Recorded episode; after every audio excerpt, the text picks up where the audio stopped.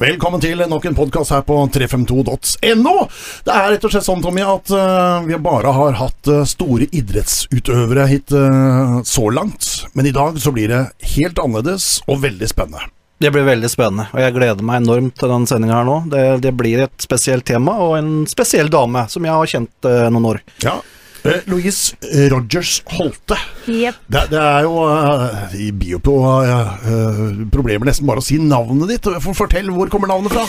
Eh, navnet er fra Nord-Irland. Eh, født i Nord-Irland. Eh, pappa skotsk. kom til Norge da jeg var seks. Og så har blitt værende, egentlig i Skien. Studert litt rundt forbi, men har etablert meg her. Du er altså mental coach. Ja. Hva er en mental coach? Det er en eh, Jeg snakker ofte at det, hodet er på en måte en mental motor. Eh, og så er det å jobbe for å optimalisere de tinga som skjer både på banen, men også mye utafor banen. Sortere litt, jobbe litt, sørge for at man er fokusert når man skal være fokusert, men også slapper av når man skal slappe av. Litt mm. å gi eh, utøvere hjelp med verktøy på å håndtere det å leve og eksistere i en prestasjonskultur, da. Ja, for, for Johan Cruyff sa det så fint, at han spiller fotball med hodet, men beina ja. De er bare der til å hjelpe, hjelpe til med. Ja. ja. Mens det er hodet man spiller fotball med. Ja, det er jo det. Det er jo den her med både det å lese spill og forstå taktisk forståelse og sånne ting. Men uh, jeg tror for mange utøvere så er det Ofte så er det mer det at uh, det kommer til å gå i litt sånn engelsk uttrykk her. Går det greit? Ja, ja. Eh, det å få de til å play the game, not the occasion, det er veldig viktig. Ofte for eh, utøvere, og det er jo det som er så spennende med å jobbe med de, at jeg jobber med godt etablerte utøvere, og utøvere som vil gjerne ha fart på karriera, og da går de gjerne inn i mange kamper og tenker det her skal være min kamp. Det kan være at de har sittet på benken, fått tillit fra treneren fra start, og da blir det plutselig å, det her skal være kampen. Og når vi, når vi, begynner med en sånn type indre dialog, så fyker spenninga opp i været, og så ender muskulaturen med å ikke spille helt på lag sånn som den skal, da. Ja, Vi har jo sett, hvis vi bruker fotballspillere da, mm. som, som, da endelig får sjansen, mm. så ser jo det spesielt i starten at det er full overtenning, og nå skal jeg søren meg vise. Mm. Og så går det egentlig mye verre enn det de egentlig hadde planlagt. Ja. I så å si de fleste samtalene jeg har med utøvere, for de tar gjerne kontakt før kamp, gjerne dagen før kamp, så jobber vi oss ned til hva som er arbeidsoppgaven. Hva er arbeidsoppgaven dine for kampen? Og så sier jeg litt, jeg bruker gjerne mobilen som et eh, bilde på det, og hvis du har alle appene oppe og går på mobilen din, hva skjer med batterikapasiteten? Da går den fort, ikke sant? Eh, og det fører inngangen til kamp, det å liksom slå av appene som har med ok, har jeg har jeg forberedt meg nok i forhold til kosthold? Har jeg på en måte gjort kanskje de ritualene som er viktige for de å gjøre? Hvordan er ting på hjemmebane? For det, de, de, er mennesker, de òg, og det syns jeg er kanskje det brutale litt med idretten. Det er det at man glemmer mennesket og bare fokuserer på utøveren. Men det da at de skal ha to ting, to apper skal de få lov til å opp og gå oppi her, og det er eh, ha det gøy og løse arbeidsoppgavene mest hensiktsmessig. Ja. Da betyr det altså at du må altså, bokstavelig talt slå av appen eh, mm. og mobilen. Mm. Helt sikkert. Mm. Ja, garantert. Du, eh, ta name-drop litt, da. Få, få litt folk her. Hvem, hvem, er det du jobber med? Vi ser jo hele tida eh, Chris her, men, men ja. for, fortell oss. Hvem, hvem, er det du jobber med? Nei, jeg har jo med jobben jeg har på Toppidrettsgymnaset, så har jeg vært veldig heldig for lov til å jobbe med mange av Odd-gutta. Eh, I tillegg så jobber jeg jo med Kristoffer Eier. Eh, jobber med utøvere som har, er, er, ikke helt på det punktet det at de har lyst til at det skal være offisielt. Så jeg har utøvere i eh, flere forskjellige eliteserieklubber, eh, og en del i Obos-ligaen. Eh, og så har jeg håndballspiller, jobba litt med Emilie, jobber med William Myhra. Så Birk Riise har jeg fått lov til å være heldig å jobbe med. Så det har, det har blitt en del. Eh, nå har jeg også utøvere som er i annendivisjon i tillegg, og det er jo også like spennende. Selvfølgelig er det moro å jobbe med et navn og et hode sånn som Kristoffer Eier har, men eh, jeg tenker litt sånn Bryter du det ned, så skal de gjøre det samme når de skal på jobb. Han ene har 60 000 som skal spille for seg, han andre har kanskje 160 mm. som skal se på. Mm. Men for de så er det like viktig. Det de skal utøve for begge de to er like viktig. Men, men pussig at du sier det, for jeg har jo det på blokka, men det, det du egentlig sier nå, at det er en del av de menneskene som du jobber med, som ikke ønsker å på en måte bli outa for å bruke mental coach. Eh, nå er vi i 2020. Burde ikke det her sånn vært uh, like åpent som å holdt jeg på å si, være gay, altså? Jo, det hadde jo vært drømmen, det. Eh, Men ofte så, så går vi litt i den fella at hvis man skal jobbe med hodet, så feiler det noe. Ikke sant? Eh, og det er jo det jeg kunne tenkt meg Det er jo det jeg har lyst til å få fram ofte i, når, jeg, når jeg liksom kommer i de miljøene hvor jeg har mulighet til å prate om det, da, er at eh, vi har vi har analysemenn i et fotballteam. Vi har, eh, vi har assistenttrenere, vi har fysiske trenere, vi har fysioterapeuter. Og det er ikke sånn at folk tenker at det nødvendigvis er noe feil hvis man har fysisk trener. Jeg har jo 15 års erfaring som fysisk trener sjøl. Men når det kommer til hodet, der skal man, i fotballen så skal man bare liksom være tøff. Du skal tåle det, og jeg, en, Jeg skjønner, kjent, en kjent venn av oss eh, har jo ofte sagt enten så tåler du, eller så tåler du ikke. Min greie er enten så tåler du, eller så kan du tåle det enda bedre. Jeg skjønner, ikke, jeg skjønner fortsatt ikke altså vi, vi har jo sittet sammen på Toppisen altså jobba sammen uh, i dette uh, Telemarksmodellen, samarbeidet mellom Odd og, og Toppidrettsgymnaset. Og så mange ganger vi har sittet og snakket om akkurat det her med Hvorfor er ikke det mentale liksom mer på agendaen til uh, klubber eller andre typer idretter? Og det er, det er fortsatt jeg meg i dag, den dag i dag. at Hvorfor er det ikke mer på banen? Hvorfor legger man ikke mye mer i den delen, også, også i budsjettet, på å, å da ta inn mentale trenere, som et eksempel? Men det gjøres ikke. Ja, men er det ikke sånn at uh, veldig ofte så Ja, nå skal vi spille en cupfinale, da leier vi Frank Beck. Åh. ja, men blir, det blir jo litt sånn. Ja, i, i Frank Beck har jeg gode ord å si om, men eh, ja. Men, men, Han har det- jeg brukt, forresten. Ja, men det er den herre Vi henter inn når det er noe stort eller det er noe krise. Da henter vi inn. Eh, hvis dere ser hva Bodø-Glimt har gjort i år, f.eks., som over flere sesonger har nå hatt en mentaltrener. Jeg har jo Nå jobba jeg i Notodden i to år og hadde fortsatt lyst til å jobbe innenfor to toppfotballen. Eh, og sendte mail ut til ti forskjellige klubber eh, i desember- og januarskiftet. Og åssen skal jeg si det? Solgte mine faglige kunnskaper. Eh, hvor jeg da ender opp med å få svar fra to. Et som spurte om prisen, og en som sa at det kunne være interesse, men det må de komme tilbake til. De andre sa To sa nei takk, og resten hørte jeg ikke fra. Men jeg vet at klubber som Brann og Rosenborg de har jo tilknytta seg kompetansesenter, sånn som Olympiatoppen. Så det er jo folk som har Altså det er jo klubber som har tilgang til det. Men min brannfakkel er pina døtte meg å få det inn. Når du går inn på en nettside, hjemmesida til en klubb, så kan du søke mentaltrener, så dukker det opp et navn. Og det er ingen.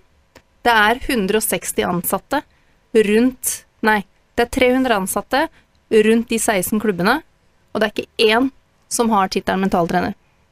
Det er jo, det er jo litt pussig. Skuffende. Ja. Ja, det er, det er mer ja. Det er mer riktig ord, men pussig er også. ja. Men skuffende, det er svært skuffende, fordi Dette kan jo Louise eh, snakke mer om, men jeg leser jo, leste jo også den perioden til stadighet, og det klistrer opp på veggen rett foran meg, blant annet uh, sitater fra Cruyff og fra Wenger og disse store trenerne. Og det gikk jo igjen, eh, det, eh, den, det sitatet som du nevnte i sted, og de minner jo hele tida på at det starter jo her oppe. Det ligger Altså, det er jo det er dette som må fungere for å utføre.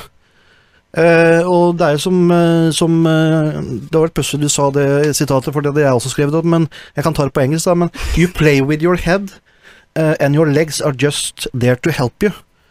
Så for meg så bare, for meg så bare Det det sier, da, det er at eh, vi må Og det sier Wenger også. Det er så vanvittig mye å hente på det mentale. Hvorfor gjør vi, vi gjør Vi er ikke i nærheten av å gjøre nok. Da snakker vi kanskje så lite. Og, og jeg, jeg håper bare at det kanskje Og jeg regner med at det er mer utbredt i Europa, eh, og kanskje der ute, enn det er i Norge. Men vi må, jo, vi må jo få mer av dette her, fordi det mentale er jo så utrolig viktig. Ja, altså jeg, jeg, jeg har jo jobba som selger hele livet, Eh, og, og der skal man prestere altså hver eneste dag. Ikke hver søndag, men hver eneste dag. Eh, og jeg har noen sånne små teknikker som jeg bruker. Jeg har, jeg har en ganske stor eh, A3-plakat som jeg har skrevet 'Der hvor øynene mine er oftest'. Uh, og der på den står det med grønn tusj, for grønn er en veldig positiv farge. Eh, og der står det 'Ta en telefon til'. Husk, det er mye mer på lager. Den er fin. Ja, Den sitter jeg og ser på hver gang. Når jeg er litt sånn skitten Nei, skal jeg ta tidlig kveld i dag? Så ser jeg Nei, må ta til en. En telefon til, da. Så sitter du og ser på den. Jo, men det sier jeg da. Men det, det er små ting som skal til, vet du. Ja. Det er spennende. Og det er jo det Det er jo det jeg syns er kult med å jobbe med typen som Kristoffer, da. Eh, Det er at eh, han tar jo ikke kontakt for at noe er feil. Han tar jo kontakt for at han forstår hva som må til for å ta det neste steget. Eh, og det er liksom den evnen en sånn type utøver har til å pushe seg og, og overlate Vi snakker ofte om perfeksjonisme, ikke sant, men for meg så er perfeksjonisme å overlate minst mulig til tilfeldighetene. At du har sørga for at du har vært innom og trent den her. Ikke sant? At du har Du vet at ok, i løpet av uka så har jeg vært gjennom de tekniske øvelsene, jeg har den, eh, de spillsekvensene treneren har lagt opp til, jeg har gjort fys fysiske treningsbiten. Men så vet du i tillegg at ja, ikke sant, jeg skal gå gjennom så og så mange visualiseringsblokker, eller jeg skal så mye mindfulness. Ikke sant? At jeg skal så mye spenningsregulering, og vite at ok, du har den sjekklista, ikke sant? Eh, og det er jo det er de som tør å utfordre seg sjøl på detaljnivå. Det er jo de som vil oppleve et større eierskap også, tenker jeg, til sin egen utvikling. Men, men ta oss gjennom uh, en, en spiller som Kristoff Ayer, som mest sannsynlig kommer til å bli Norges neste A-lagslandskaptein. Eh, og hvordan jobber dere sammen? Si det du kan si, holdt jeg på å si, men, men uh, hvordan jobber dere? Nei, morgen Reiser du bort dit, eller er det på telefon, eller er det Det er over FaceTime. Jeg har vært borte og besøkt den. Um, og, men vi jobber over FaceTime, eh, gjerne dagen før kamp. Eh, når de har bortekamper, så reiser jo de bort på hotell. Når de har hjemmekamper, så tar vi en prat når han er hjemme. Og så snakker vi litt om vær og vind. Eh, vi snakker litt om mennesket også. Og så går vi over til utøverbiten, hvor vi tar for oss hva er arbeidsoppgavene. Ok, skal de spille med en fire bak, skal de spille med en tre bak? Eh, hvordan blir det da? Også det at han bare får si ting høyt, er jo også ganske forpliktende. Ikke sant? Eh, så går vi gjennom hva kan være utfordringer. Eh, og da kan ta opp eh, sånn forskjellige ting, også hvordan vi jobber med det. Eh, og det er jo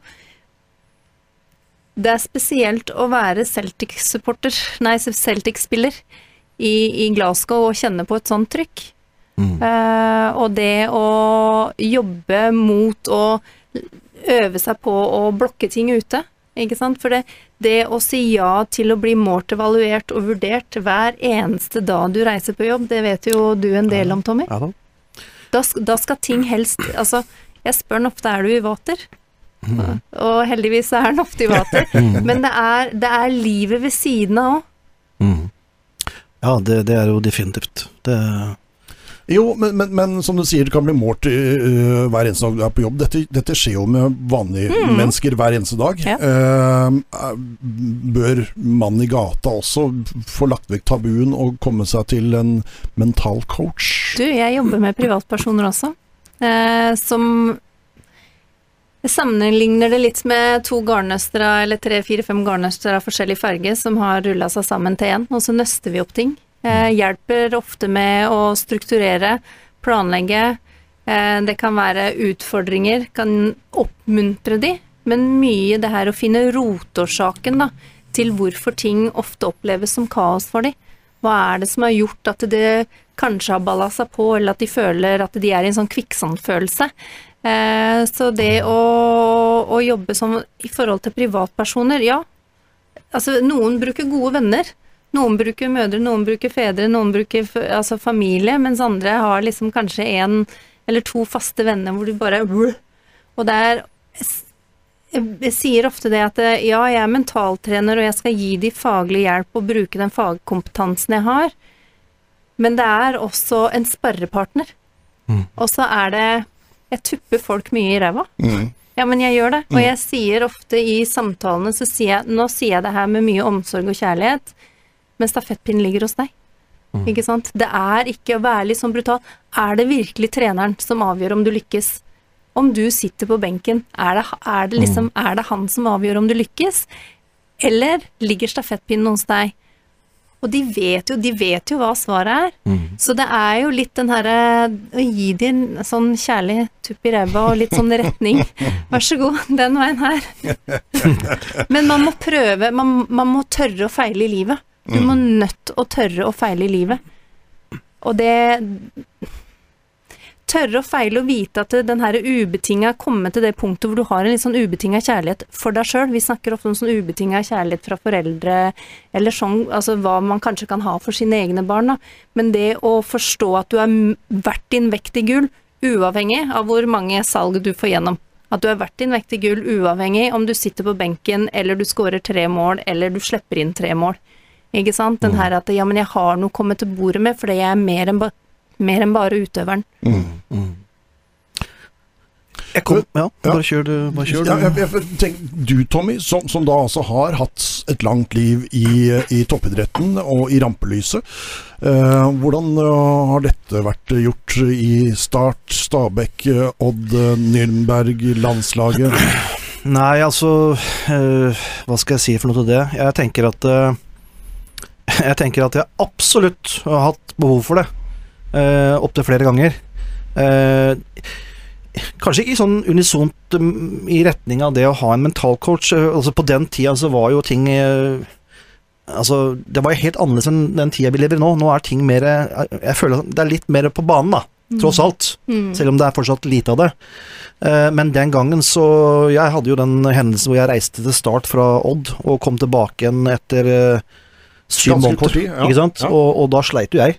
Men jeg, hva skal jeg si for noe? Jeg hadde noen rundt meg, men det var ikke, de var ikke dyktige nok. Det, det er ikke farlig å si. Det var jo familie og det Men vi, vi visste ikke nok, da. Vi, vi, og dette med rådgivning og, og sparring, det, det eksisterte jo ikke. Det, Erik Midtgaard var her inne også her forleden og sa det samme. Liksom, Du har ikke lært eller har fått oppbacking. Eh, rådgivning. Så da går du gjennom noen faser, da. Og noen, du går jo på en og annen smell, men du lærer jo av det, selvfølgelig. Eh, Og erfaringa gjør deg sånn sett rikere, og du, du, du vet mer og mer og, og klarer å håndtere det. Men der og da så var jo det selvfølgelig veldig tøft. Og det bringer meg egentlig litt sånn inn på det jeg plutselig kom på i sted, og det var eh, Jeg jobba jo med junior elite, Odd junior elite, i fire år. Og da var jo Louise eh, fysisk trener og men, altså mentaltrener. Ehm, og eh, så, så, så tenkte jeg at eh, ja, det er å trene gutter, og vi skal ha øvelser og sånn og sånn. Ja, kosthold og bla, bla, bla. Og så plutselig så sitter de i samtaler, spillersamtaler. Og så sitter de plutselig med spillere som har sånne skuldre, og sitter og gråter og er lei seg og er helt i ørska, for å si det på godt norsk. Da tenker jeg at eh, nå blir du utfordra.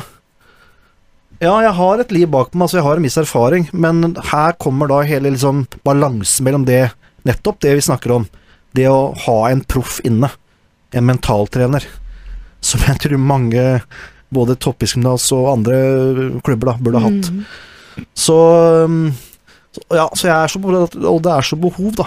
Men, men, men, men helt aleine i Tyskland. Altså, så, En enkel sjel fra Falkum som skal ut på Olympiastadion for første gang mot Bayern München. Hvordan kjennes det i kroppen? Når jeg reiste ut, så var jeg 27, og da var jeg, da var jeg klar for det. På alle mulige måter. Det var ikke noe som kunne på en måte angripe verken hjernen eller beina eller noe som helst. Uh, og det er litt av poenget også, at jeg er så opptatt av det, altså det jeg har sett de siste kanskje fem til ti årene i norsk fotball, også i Odd-sammenheng. Dette med det utviklingsløpet, så er det du ser på, La meg ta et veldig kjapt eksempel. Da. John Kitolano. Så kan vi diskutere det, men veldig kjapt ut. Og så er det skader, og så begynner du å tenke. Det er først og fremst her det blir vanskelig. Og så vender han tilbake som så mange andre, og det er masse som skjer på veien. Og blomstrer nå i Molde. Og nå blomstrer den i Molde. Og så er jo spørsmålet da som jeg er ute etter Ja, jeg reiste ut da jeg var 6-27 år, og da var jeg klar for det. Men det er for mange som jeg som ikke er klar for det. Og spesielt her oppe, da, så vil det jo bli voldsomt utfordra. Eh, og det ser jeg ofte strander altfor mye, da. Så jeg pleier å si det at eh, la oss bruke litt mer tid på ungdommen og bygge dem opp, fordi når man er 18-19, som vanligvis er det sånn Ja, men nå må du klare det, nå må du få den kontrakten.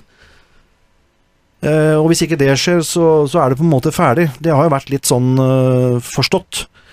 Men fortsatt så skal du bruke egentlig både to, tre og fire år til for Mm. å bli en fotballspiller etter hvert. Både mentalt, taktisk, eh, fysisk, hele pakka. Men hvorfor er det sånn? Det er en helt annen debatt, da, men altså, det utfordrer veldig det mentale, da. Men jeg tror det Jeg tror det er sånn at du I møtet jeg har hatt da med veldig mange forskjellige typer utøvere, så er det Det er noen sånn vinnerskaller der ute. Mm. Noen som tåler det. Eh, og det betyr ikke det at de som ikke er der ennå, ikke kan komme dit. Men alle, alle endringer starter med en erkjennelse, og da må de selv kjenne at eh, jeg har mer å hente på den mentale motoren min. Jeg har mer kapasitet der inne. Hvordan kan jeg bli bedre på det? Det er mer på lager. lager. ja. Alltid mer på lager. Og, og Lise Klaveness sa jo det i 2018 i en artikkel jeg leste, at uh, hun mente at uh, men, altså, mentalitet skulle bli en forskjell for den norske fotballen. Og tro meg, jeg har snudd ganske mange steiner i forhold til både inn mot eh, aldersbestemte landslag og sånn, men det er Det kommer tilbake til midler. Mm. Og hvor jeg har sagt omtrent at vet du hva, jeg kan jobbe gratis, bare jeg får lov til å jobbe med unge hoder som som har lyst til å ha hjelp på veien. Ja, Men hvorfor skal det være sånn? Det er det jeg er ute etter. At det, altså, det handler om midler, ikke sant? Midler! Midler er jo der, det er bare snakk om hva vi prioriterer. Ja, ja. Og når, når, når liksom store eh, stjerner, fotballstjerner, snakker varmt om det mentale, store trenernavn, hele tida minner på med sitater hvor viktig det er med det mentale, så bruker vi ikke noen midler på det. Vi prioriterer jo ikke engang.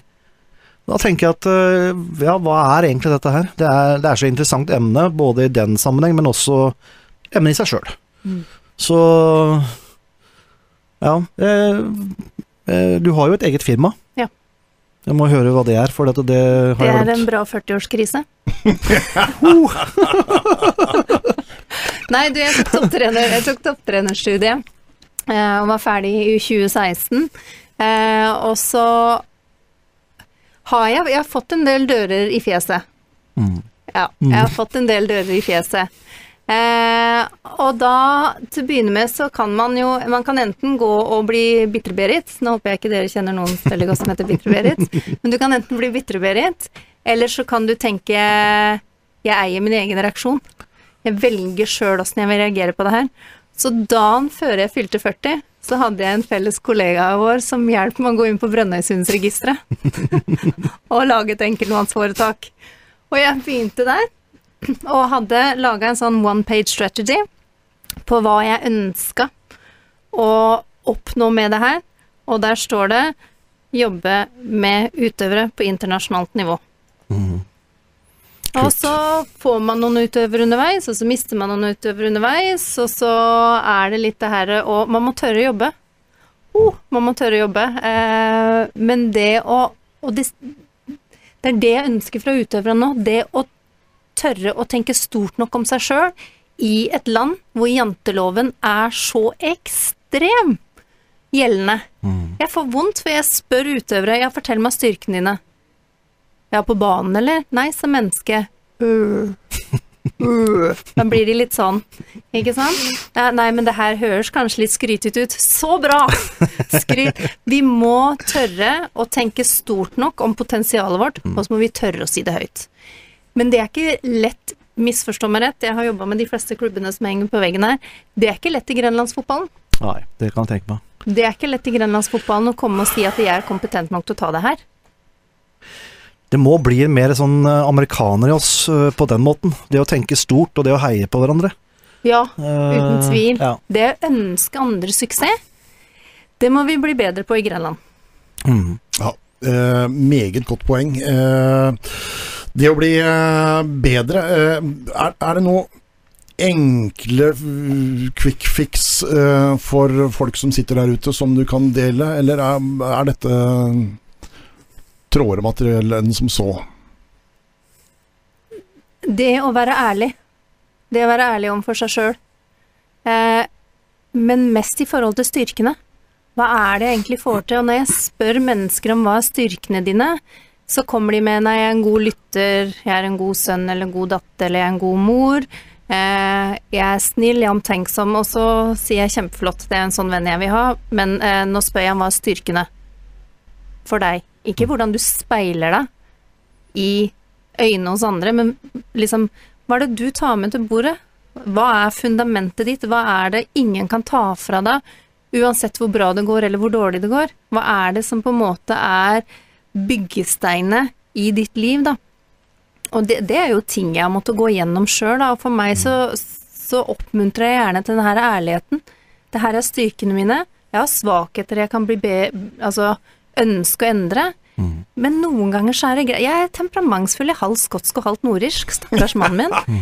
Men jeg tenker, jeg tenker at eh, så lenge jeg er bevisst på det, så må jeg kanskje dempe det i noen settinger, ikke sant? Mm. Men likevel, det å ha den ærlige indre dialogen vi, vi, tenker 50 000 tanker, og det må lytterne der ute få med seg. Mm. Vi tenker 50 000 tanker i snitt om dagen. Det vil si at vi leser en roman for oss sjøl hver dag. Hva inneholder den romanen om deg? Hæ? Jeg tror, jeg tror, jeg som grubler har 100 000. Ja, men, ja. men hva inneholder den romanen? Ja.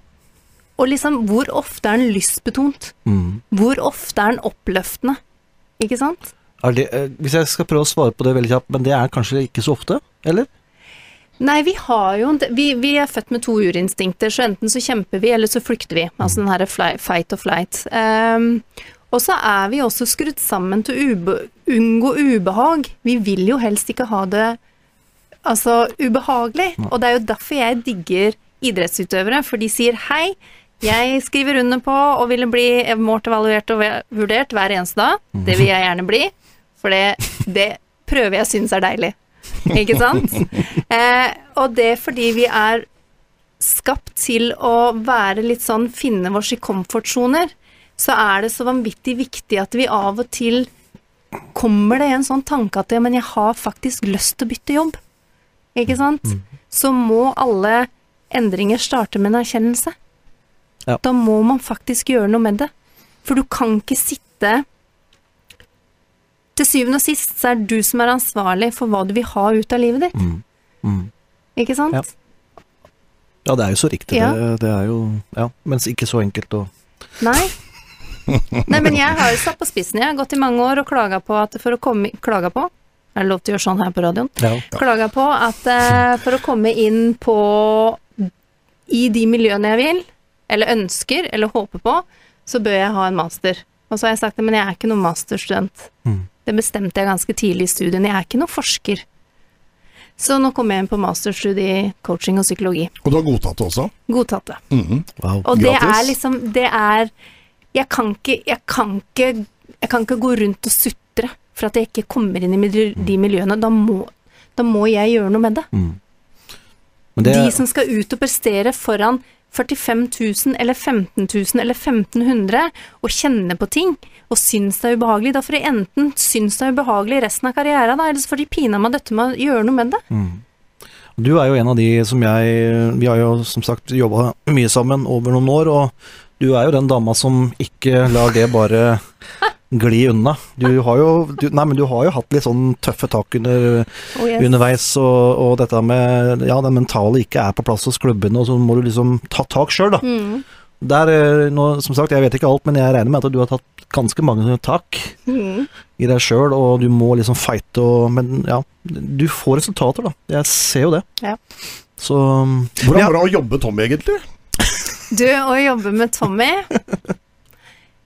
Det var fantastisk spennende å se hvordan han av og til så kunne du nesten se, akkurat som en sånn science fiction-film, at du kunne se at det kom opp en sånn herre Åssen skal jeg si det? Lysbildeshow fra huet.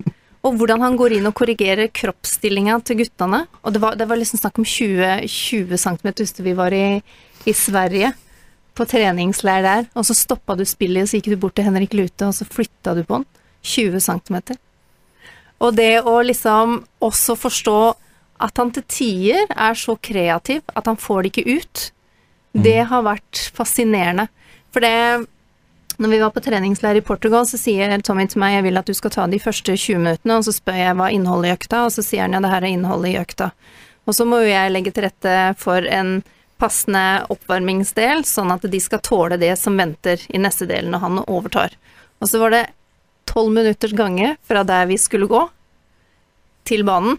I løpet av den tida så hadde jo han selvfølgelig, på grunn av at han jobber kontinuerlig med fotballøvelser i huet, klart å bytte de øvelsene. Så når jeg da skulle ha den oppvarminga, så kommer han liksom rett før og så sier han du, vi, vi, vi kjører en annen, en, annen, en annen, del etter, etter du er ferdig med oppvarminga. Ja, hva inneholder den delen da? Nei, da vil han ha et annet type sånn possession-spill, da. Og da må jo jeg fort opp i kartoteket i huet på fysisk trening, og drrr, var passende og så gjøre om på oppvarminga. Der blei ble Louise og flere andre stadig vekk utfordra. Jeg fikk jo mange innfall. Og ja, det blei ble jo utfordringer. Men samtidig så er det kanskje noe læring i det òg. Altså, altså jobber den så Altså, vi andre begynte å være ferdig for dagen. Skulle pakke, pakke sekken. Det var når vi jobba med Eirik Hansen, så jeg begynte å putte ned i. Skulle hjem selvfølgelig til to barn. Eh, jeg tenkte middag. Og så tar du sekken på ryggen, og så sier Tommy Du, dere, før dere går kunne vi finne et navn på en økt? Og så vil du gjerne ha en økt som både var fysisk, og som også var eh, fotball. Og så mm. vil du ha et sånn passenavn på hva du kunne kalle de type økter. Og det var liksom selvfølgelig når vi står med sekken på ryggen og vet at det er ingenting med Tommy tar to minutter. Ingenting. Det stemmer, så, det. Jeg husker det.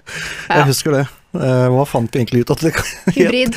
Hybridøkt, ja. Det var det det var. En hybridøkt. En hybridøkt. Ja. Stemmer det. Men, men, men også, også er, går det noen rykter på at eh, Og jeg kjenner Tom litt, og vet jo litt hva vi snakker om, men uh, du skulle hjelpe henne med noe passord eller nei, oppdatering av noe Mac eller et eller annet noe teknisk? Nei, når vi kom hit i dag, så var jeg så imponert, for han drev jo Han, han var veldig, virka veldig teknisk anlagt. Ja. Og når vi delte kontor, så plinga det i alle alle PC-ene våre bortover og telefoner, så fikk jeg en mail fra en IT-ansvarlig hvor det står at vi måtte oppdatere Mac-en. Og så kikker jeg bort på Tommy, og så, så kikker Tommy litt sånn molefonkent ned da, på pulten sin. Med pult, selvfølgelig, med masse, masse tallerkener og kopper og sånn. Ja. Det var jo litt sånn kaos der han jobba. Eh, og så og så kikker han bort til meg, og så sier jeg ja, du må ta med Mac-en for å oppdatere for å oppdatere den. Og så lener han seg fram, og så tar han på den stasjonære PC-en, og så sier han ja, er, er det her Mac-en? sier han. Og så, og så, klarer jeg ikke mer, og så må jeg løfte Mac-en min, så sier jeg men Tommy, det her er en Mac. Det er stasjonær PC. Så sier han å, er det Mac? Sånn har jeg hjemme.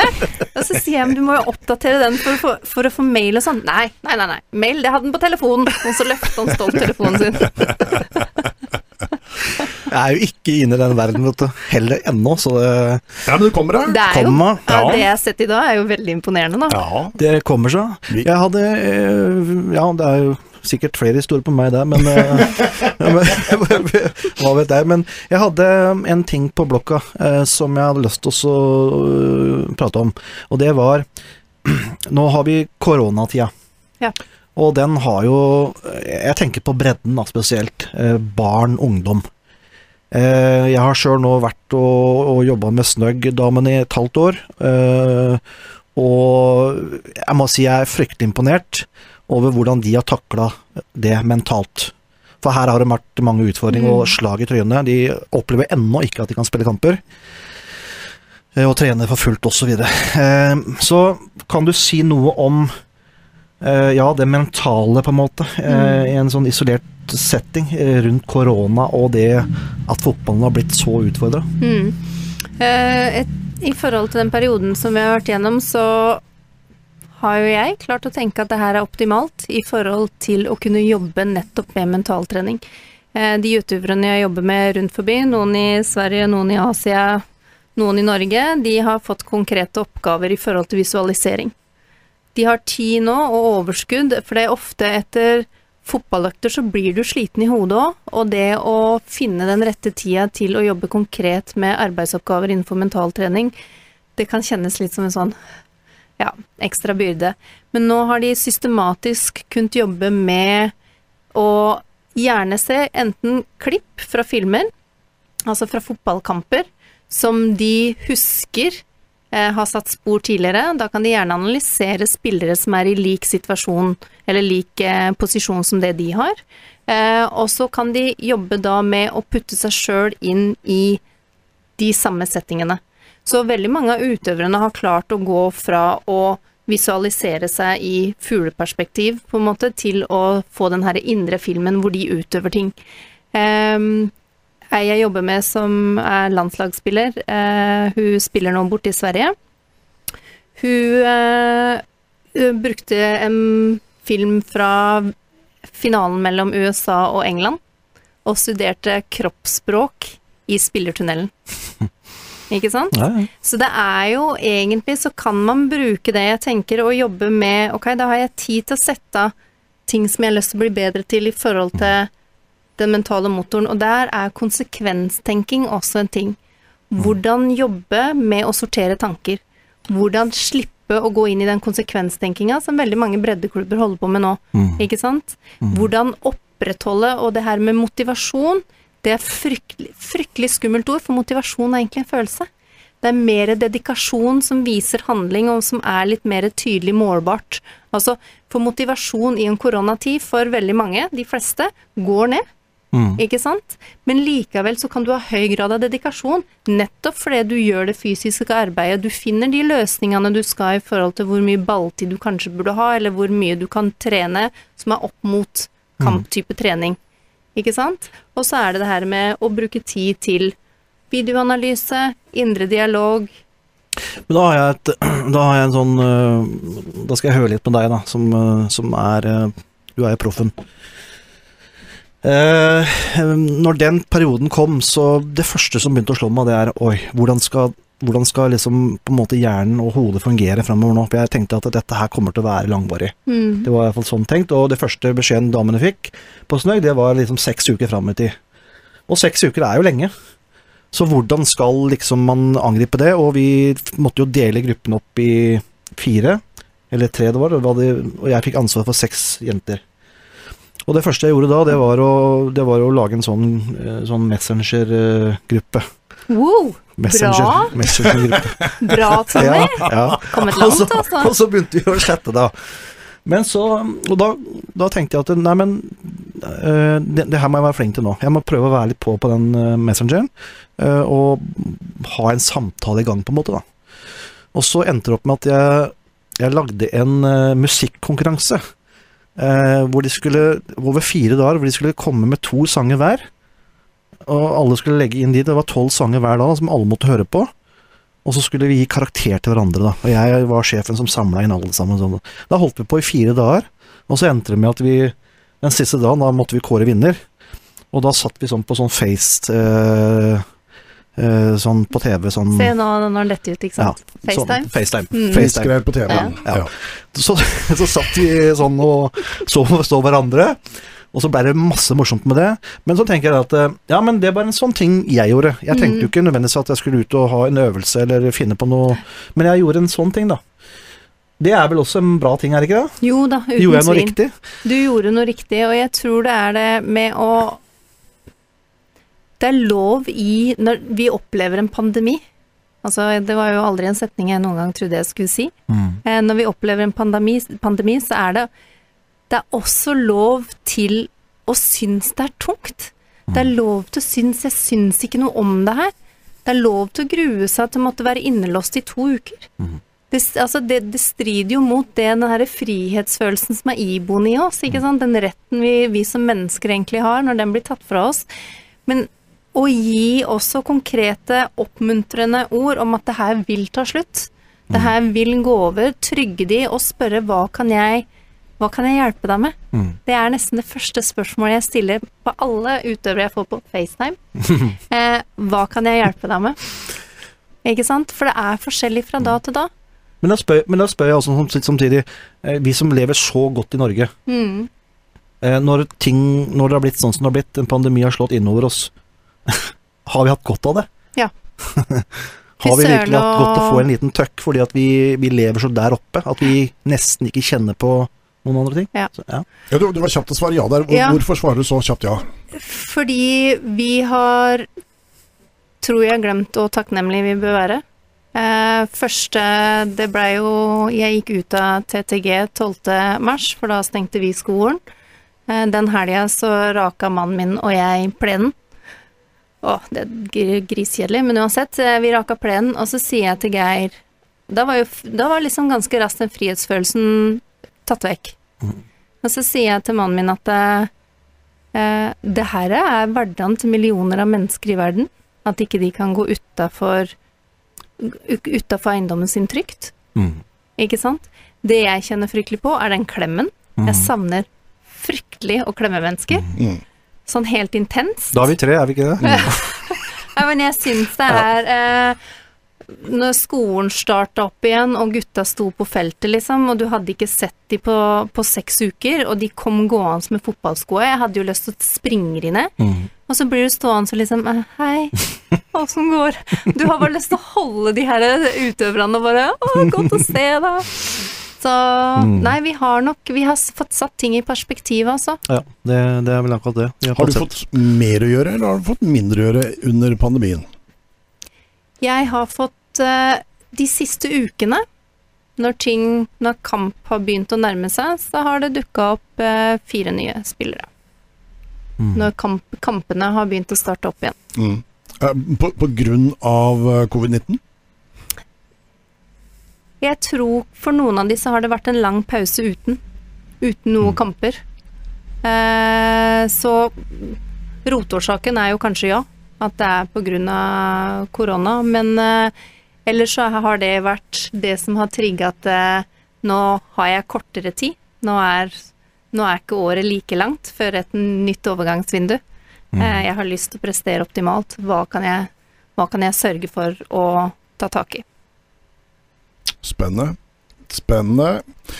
Eh, Tommy Svindal Larsen, hva har du mer på agendaen? Jeg vet du har et langt manus eh, med deg. Ja, jeg har det. Eh, Jeg kom til å tenke på Viljar.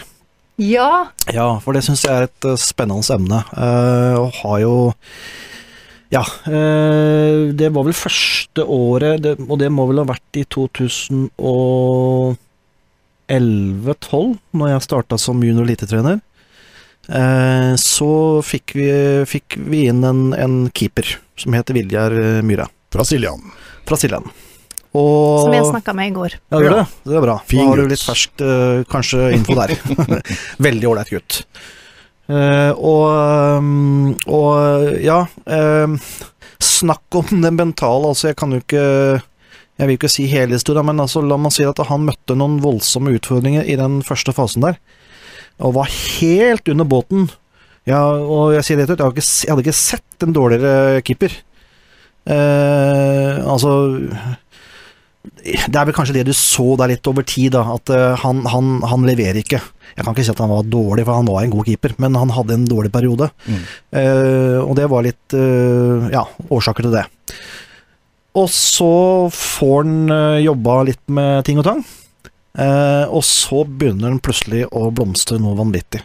Og så tar det helt av. Og resten er jo egentlig historie. Så jeg vet ikke, du kan altså, Jeg bør ikke spørre så spesifikt, Jo, men han fikk jo relativt juling første året i Strømsgodset også. Absolutt. Eh, det kommer en ny dansk trener inn, rett på benken. Eh, Sett den i én kamp, og så der blir han sittende. Ja. Før han har virkelig tatt eh, hanskene på igjen i år, da, og har vært eh, fantastisk i år. Ja, og det, og det er kanskje også et ledd i det at han også gjennom den perioden der som veldig ung, øh, sikkert lærte noe av det også, og man blir sterkere, man erfarer. Men øhm, jeg, jeg mener at det er også en, en person som har øh, måttet jobbe mye med seg sjøl, Mm. men også fått hjelp. Eh, Så kan ikke du bare prate litt fritt? Hvis Jeg bør ikke spørre så veldig spesifikt Nei, det som er veldig viktig for meg, er jo å holde meg innafor taushetsplikten. Mm. ja. det er ehm, Det klarte jeg også, føler jeg. Eh, Jeg Ja. sa at det var problemet, Ja. men ikke at det var Nei, det, nei, så Men eh, Viljar og jeg eh, prata om det i går. At den beste læringa er jo når du får deg en på trynet. For det er jo det som det er jo, Vi snakker om talentutvikling i Telemark. At vi er så gode på talentutvikling. Jeg venter enda på en etablert A-lagsspiller på landslaget. Mm. Jeg venter enda på en proff som reiser til utlandet og blir værende. Det, det, det, nå skal ikke jeg bryte av, men eh, Er det dårlig gjort å si når jeg jobber tingene der, de, skal jeg lage, de to tingene der skal jeg lage en sak på. eh, For det, den står, og den, den har vi diskutert mange ganger. Oh, ja. Men kjør videre. Nei, og så vi, vi, vi kom litt inne på det. eh, Det å Med klubbbytte og bli lova ting, og så blir ikke ting som man lover, sånn som du var inne på, Kim. Mm. Men det å Hvor mye gevinst det er i veksten av å ha sånne type opplevelser når man håndterer det riktig. Det er jo det som er vanvittig gøy å se med Viljar i dag, uten at jeg går Mm. utafor noe som jeg skal Ja, holde meg vi, innenfor. vi ser jo hva Viljar gjør om dagen, vi, så det er ikke Ja. vanskelig å se det. Nei. At uh, han uh, ser ut som han har fint med fotball om dagen. Ja. Det kan Mjøn, være det. Mjøndalen i dag? Mjøndalen i dag. Ja. Ja.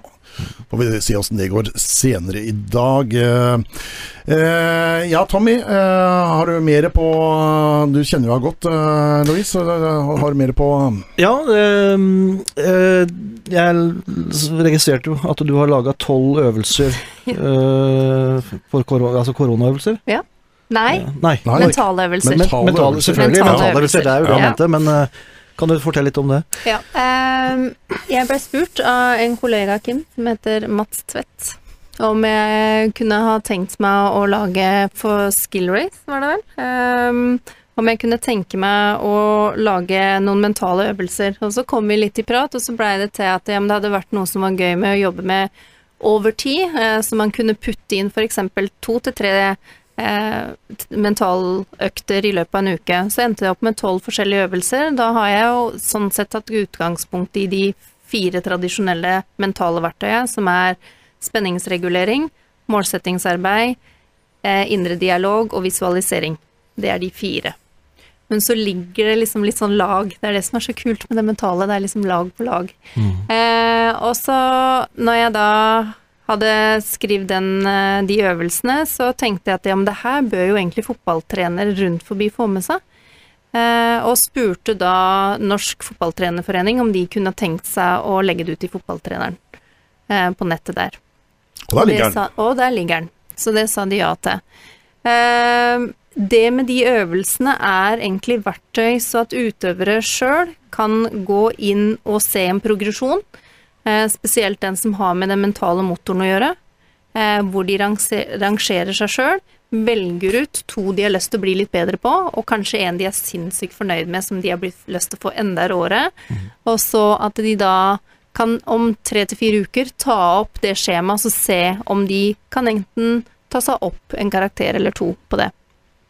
Så, så det er jo Jeg vet NFF, og nå får jeg sikkert noen på nakken, men det jeg har jeg hatt før. Men uh, jeg er vokst opp i Nord-Irland, vet du. Der var det steinkasting og hele pakka. vi bare gjør sånn, Vi bare gjør sånn, vet du. Preller. Ja, Ja. Men um, Nei, jeg NFF har hatt et kurs som heter Fotballtreneren som mentaltrener. Og jeg er kjempeglad for at det blir lagt fokus på det mentale hos fotballtreneren. Men det er ytterst få utøvere som har lyst til å gå inn og si til hovedtreneren sin at jeg sliter på hjemmebane. Jeg sliter i familielivet. Jeg sliter med fokuset.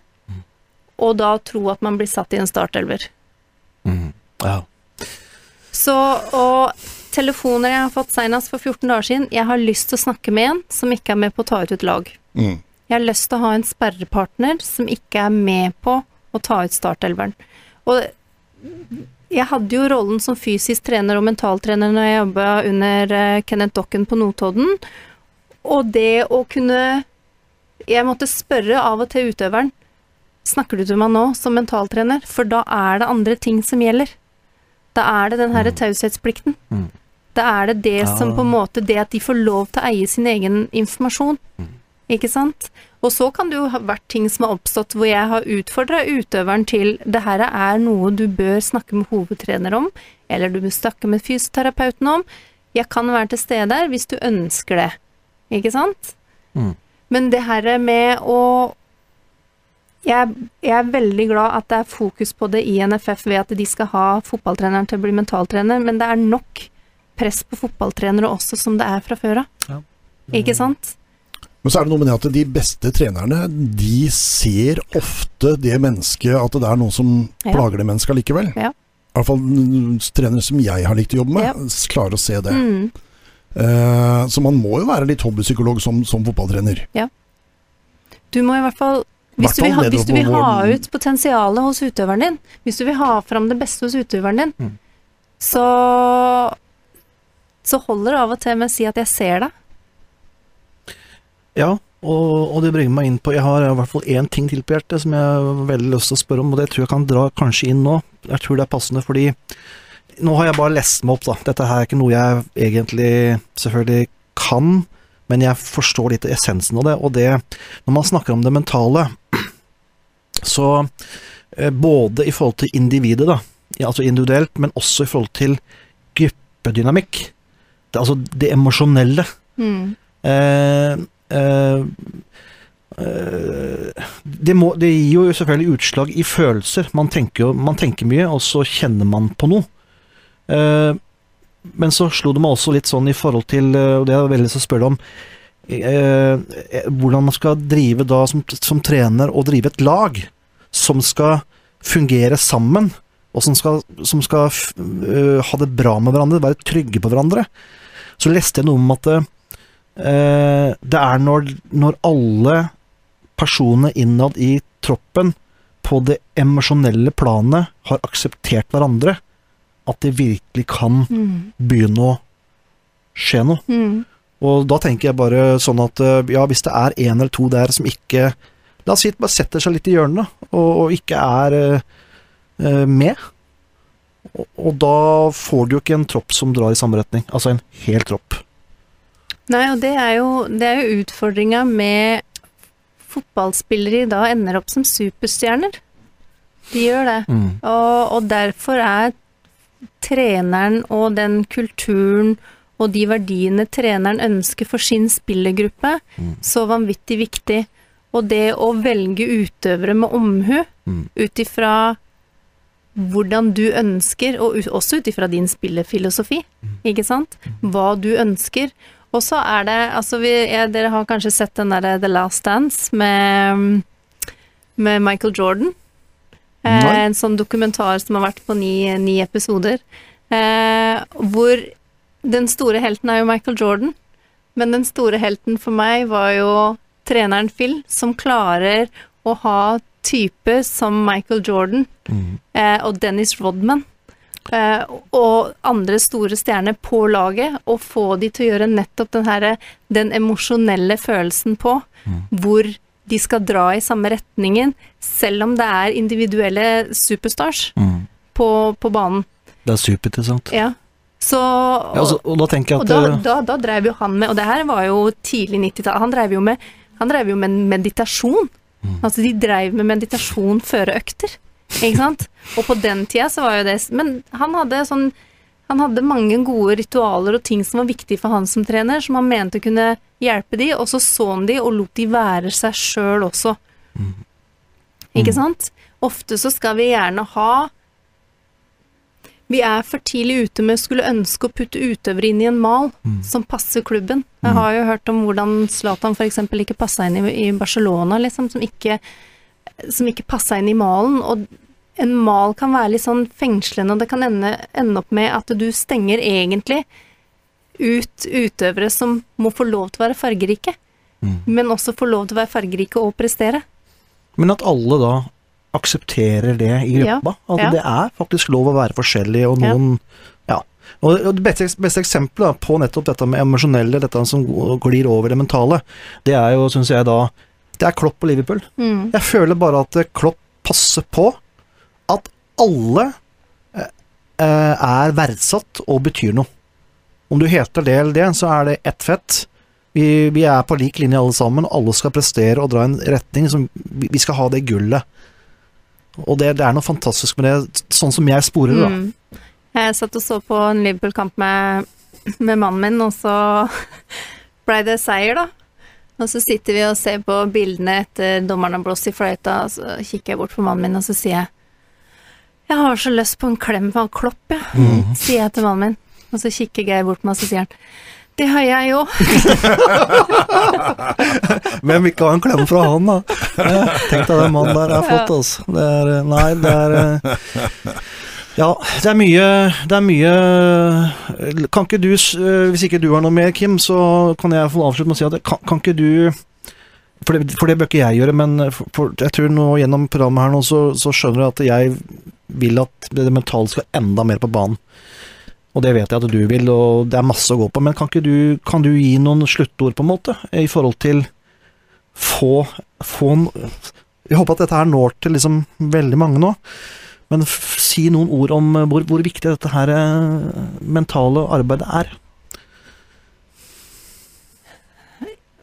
For å I fotballen så snakker vi om tekniske ferdigheter, taktisk forståelse. Vi snakker om fysiske kapasiteter, og så snakker vi at man må tåle det. Og så mener jeg at da må det også være en fagperson som er til stede, som kan hjelpe over de Altså kanskje de hindra på veien, sånn at du kan få utøvere som tåler sinnssykt mye. Fordi de har en som kan hjelpe de med det her med indre dialog, spenningsregulering, um, i forhold til persepsjon, orientering, forventninger, de tinga her. Også hvordan håndtere press fra media. Hvordan håndtere type ting eh, som kan dukke opp underveis.